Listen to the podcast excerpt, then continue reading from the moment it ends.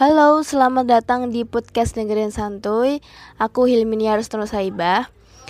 Di episode podcast kali ini, aku mau bahas tentang gizi mahasiswa rantau. Nah, aku nggak sendiri, aku sama temanku. Dia jurusan gizi dan dia mahasiswa rantau juga sih.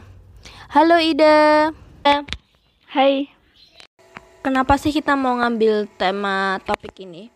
Karena banyak mahasiswa yang belum mengetahui tentang kesehatan gizi. Bahkan mereka nggak pe peduli kesehatan makannya seperti jarang makan telat makan bahkan nggak makan. Karena emang terbebani oleh tugas dan banyak hal. Nah seperti saya ini ya seperti itu. Maka dari itu saya ingin mengetahui seberapa pentingnya gizi untuk kesehatan kita. Dan berpengaruh nggak sih terhadap daya serap ilmu saat kita kuliah? Karena dengan gizi kita yang cukup kita bisa konsentrasi dan fokus terhadap kuliah yang akan kita jalani. Banyak persoalan nih ya tentang mahasiswa rantau yang super ngirit banget. Terutama ini tentang makanan. Suka banget kan tidak mengatur pola makannya tuh. Iya nggak sih? Tidak. Ya namanya juga anak osil uh, jadi tuh harus ngirit. Kan banyak pengeluaran juga.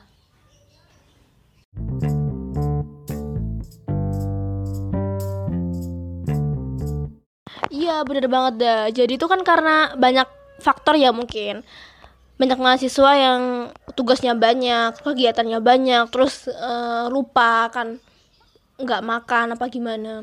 Terus juga karena emang keadaan ekonomi juga yang belum ditransfer sama orang tua. Nah, itu kan jadi faktor utama banget buat kita khususnya mahasiswa rantau.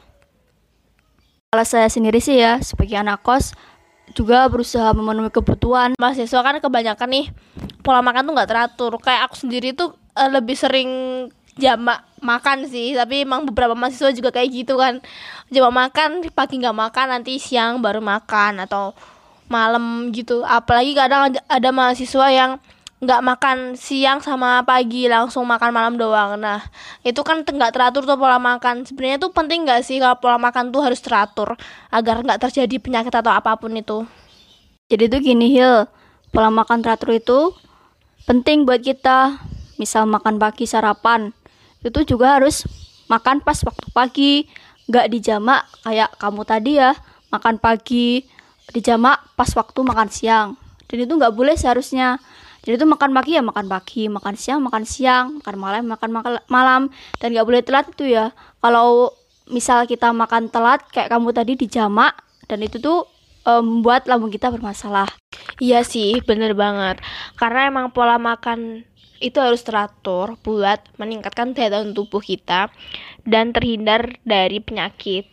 Karena kebanyakan mahasiswa itu punya penyakit yang namanya mah kan ya nggak sih? Ya bener banget Hil jadi tuh kalau misal mempunyai riwayat penyakit mah, kalau kita ditambah nggak makan, jarang makan, telat makan, dan itu bisa menyebabkan mahnya tuh kambuh, kayak gitu. Iya sih, bener. Nah, uh, apa aja sih makanan yang bergizi, yang hemat banget buat mahasiswa rantau tuh yang apa gitu? Uh, jadi itu misal makan tiga kali makan utama ya harus makan tiga kali makan utama. Misal sarapan makan siang dan makan malam. Dan untuk cemilan atau snack itu bisa biasanya tuh saya tuh uh, makan roti tawar biskuit kayak biskuit gitu kayak gitu. Terus uh, untuk makanan pokok itu saya tuh nasi nasi putih ya. Untuk lauk hewani itu nggak harus yang uh, kayak ayam, ikan itu kan uh, juga termasuk dalam kategori kategori mahal ya. Bisa uh, telur dadar kayak gitu. Dan untuk lauk uh, nabatinya bisa tempe goreng, tempe bacem, tahu kayak gitu. Dan untuk sayurnya itu bayam, sayur sop dan kayak gitu. Jadi tuh uh, dalam keadaan apa pun uh, kita tuh juga harus bisa memenuhi uh, kebutuhan gizi kita dengan cara kita. Maksud, maksudnya itu uh, kita tuh mengolah keuangan untuk membeli ini uh, lauk hewani, lauk nabati, sayur kayak gitu. Dan untuk buah itu saya tuh uh, kadang beli di supermarket kayak potongan gitu semangka, melon. dan untuk lauk, lauk hewaninya bisa ditambah uh, minum susu uh, setiap sebelum tidur dan itu insya Allah juga sudah memenuhi kebutuhan gizi kita. Nah kan kalau di akhir bulan nih kebanyakan tuh mahasiswa makannya tuh mie instan. Bahkan mie instan ini jadi simbol mahasiswa di rantauan. Kalau nggak ada, kalau males keluar, nggak ada makanan ya makannya mie instan bikinnya. Nah itu gimana sih cara kita tuh buat mengurangin makan mie instan? Wah kalau gitu tuh susah ya buat anak kos tuh cara ngurangi makan mie instan. Kalau aku tuh biasanya tuh makan tuh seminggu ya sekali. Jadi tuh kita tuh berusaha mengurangi dengan cara gak apa itu nyetok mie instan secara berlebihan. Kan bisa jadi tuh anak kos kan tuh mager ya mager keluar kayak gitu toh. Jadi tuh kita tuh jangan nyetok kayak bahan makanan yang buat kita makan sering itu tuh gak sehat. Jadi tuh gitu. Misal kita kan kalau bawa beras sendiri uh, masak nasi sendiri gitu tuh bisa uh, masak bisa masak nasi goreng. Kalau nggak itu uh, nyetok telur tapi jangan banyak-banyak. Bisa kalau di kosnya gak ada kulkas itu bisa itu nyetok telur itu apa satu perempat seperempat kilo aja usah banyak-banyak bisa ngurang sendiri tuh kalau ada dapur di kosnya. Nasi goreng telur atau kalau ada kulkas tuh bisa uh, beli nugget ya. Bisa kurang sendiri kan? Juga gitu. Iya harus banget. Karena uh, sebagai mahasiswa tuh kita harus bisa cara uh, memenuhi kebutuhan secukupnya sesuai dengan porsinya. Jadi tidak boleh berlebihan dan jangan kekurangan juga karena kalau kekurangan kita jadi nggak bisa makan kan ya. Hehe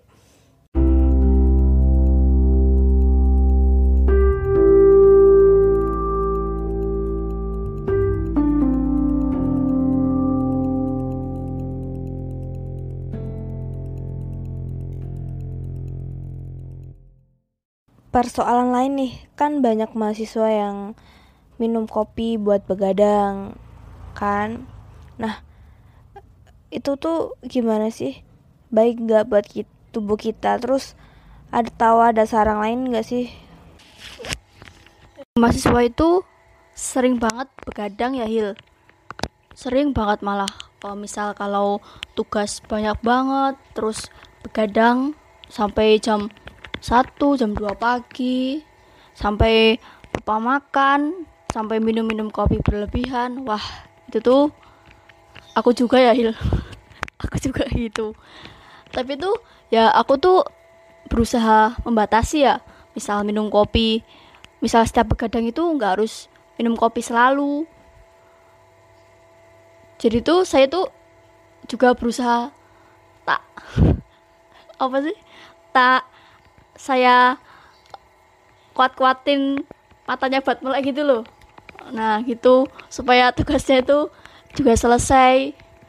Jadi tuh nggak uh, nggak mesti kalau begadang itu minum kopi. Misal mm, bisa kalau uh, waktu siang hari itu kan uh, tidur siang. Kalau misal kuliahnya pagi tidur siang dulu terus malam begadang itu kan bisa apa itu nggak ngantuk juga toh. Nah itu tuh nggak harus juga minum kopi gitulah. Kalau untuk nemenin bergadang nggak hanya kopi aja mungkin kita bisa minum yang lebih menyehatkan minum susu minum air putih juga bisa. Karena nggak karena kopi itu sebenarnya nggak baik kalau kita di kita mengonsumsi kopi itu secara berlebihan. Karena dalam jangka waktu yang panjang mungkin itu nggak baik buat tubuh kita nanti. Kalau aku sendiri lebih asupan makanan tuh kurang lengkap sih jujur kalau di rantauan. Dan aku memilih buat nyukupin giziku tuh di rumah kalau udah aku pulang kampung. Itu sih yang jadi poin aku. Tapi sebenarnya itu nggak baik ya. Harusnya kita lebih mencukupi gizi itu di rantauan maupun di rumah. Itu harus tercukupi karena dalam keadaan apa pun gizi itu perlu untuk tubuh kita. Agar nanti kalau misalkan di rantauan kan sakit gak ada yang ngurusin kita harus mandiri harus benar-benar mandiri. Nah kalau aku sih lebih uh, prefer kalau misal aku bawa bekal sendiri dari ka di kampus tuh aku bawa bekal. Jadi pas di kosan itu sering banget aku tuh kadang masak kalau sempet aja sih kadang masak apa gitu. Ya buat bekal aja di uh, kampus. Nah itu tuh poin pertamanya tuh uh, buat uh, ngirit pertama ngirit kedua tuh lebih higienis saja. Karena kalau kita yang masakan kita tahu nih kita cuci nggak sayurannya atau gimana. Itu aja sih. Wah iya Hil.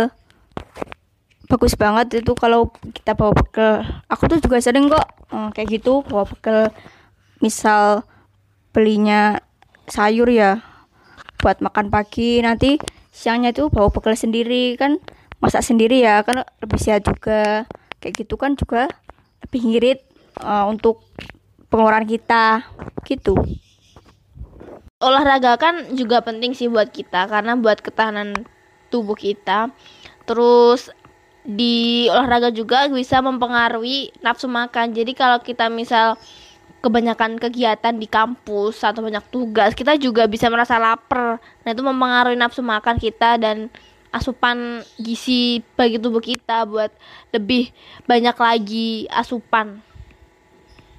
Jadi itu tubuh yang sehat itu mempengaruhi nafsu makan kita ya.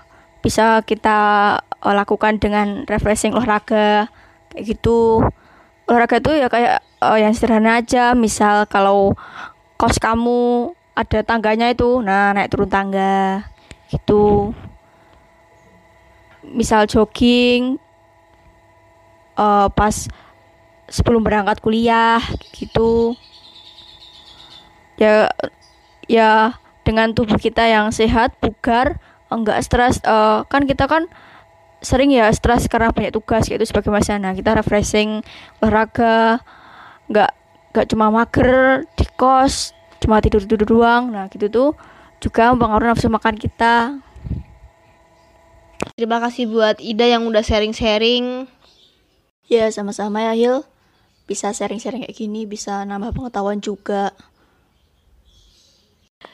Jadi intinya dalam kondisi apa pun maupun kita di rantau maupun kita di rumah tetap menjaga kebutuhan nutrisi dan gizi bagi tubuh kita. Untuk men untuk menjaga daya tahan tubuh dan terhindar dari penyakit yang berbahaya. Ya Hil, alhamdulillah uh, kamu udah maksudnya bisa udah paham tentang uh, gizi dan juga uh, cum gak cuma asupan juga kita harus uh, pikiran kita ya begitu Hil. Jadi kita harus uh, menjaga pola makan pola asupan. Jangan stres juga uh, uh, supaya kita tuh bisa fokus kuliahnya nggak pusing dengan ini banyak tugas banyak banyak tugas. Dengan tubuh yang fit uh, nafsu makan kita baik alhamdulillah. Nanti kita uh, bisa menjalani itu semua dengan uh, enteng gitu gizi itu kan penting gizi itu bukan hal yang remeh jadi jangan menganggap bahwa gizi itu harus yang mahal. Karena kan gizi juga ada yang hemat seperti yang sudah disebutkan di segmen sebelumnya. Apa saja sih yang diperhatikan ketika kita tuh memenuhi gizi di tanah rantau, apalagi buat mahasiswa. Kadang kalau di tanah rantau kan kita juga harus berusaha untuk belajar mandiri, apa-apa sendiri. Dan kita apalagi ada yang mahasiswa yang nggak punya saudara di tanah rantau. Nah itu kan perlu ya kita perhatikan beberapa hal di sini. Yang pertama kan pola makan yang teratur yang sudah disebutkan tadi.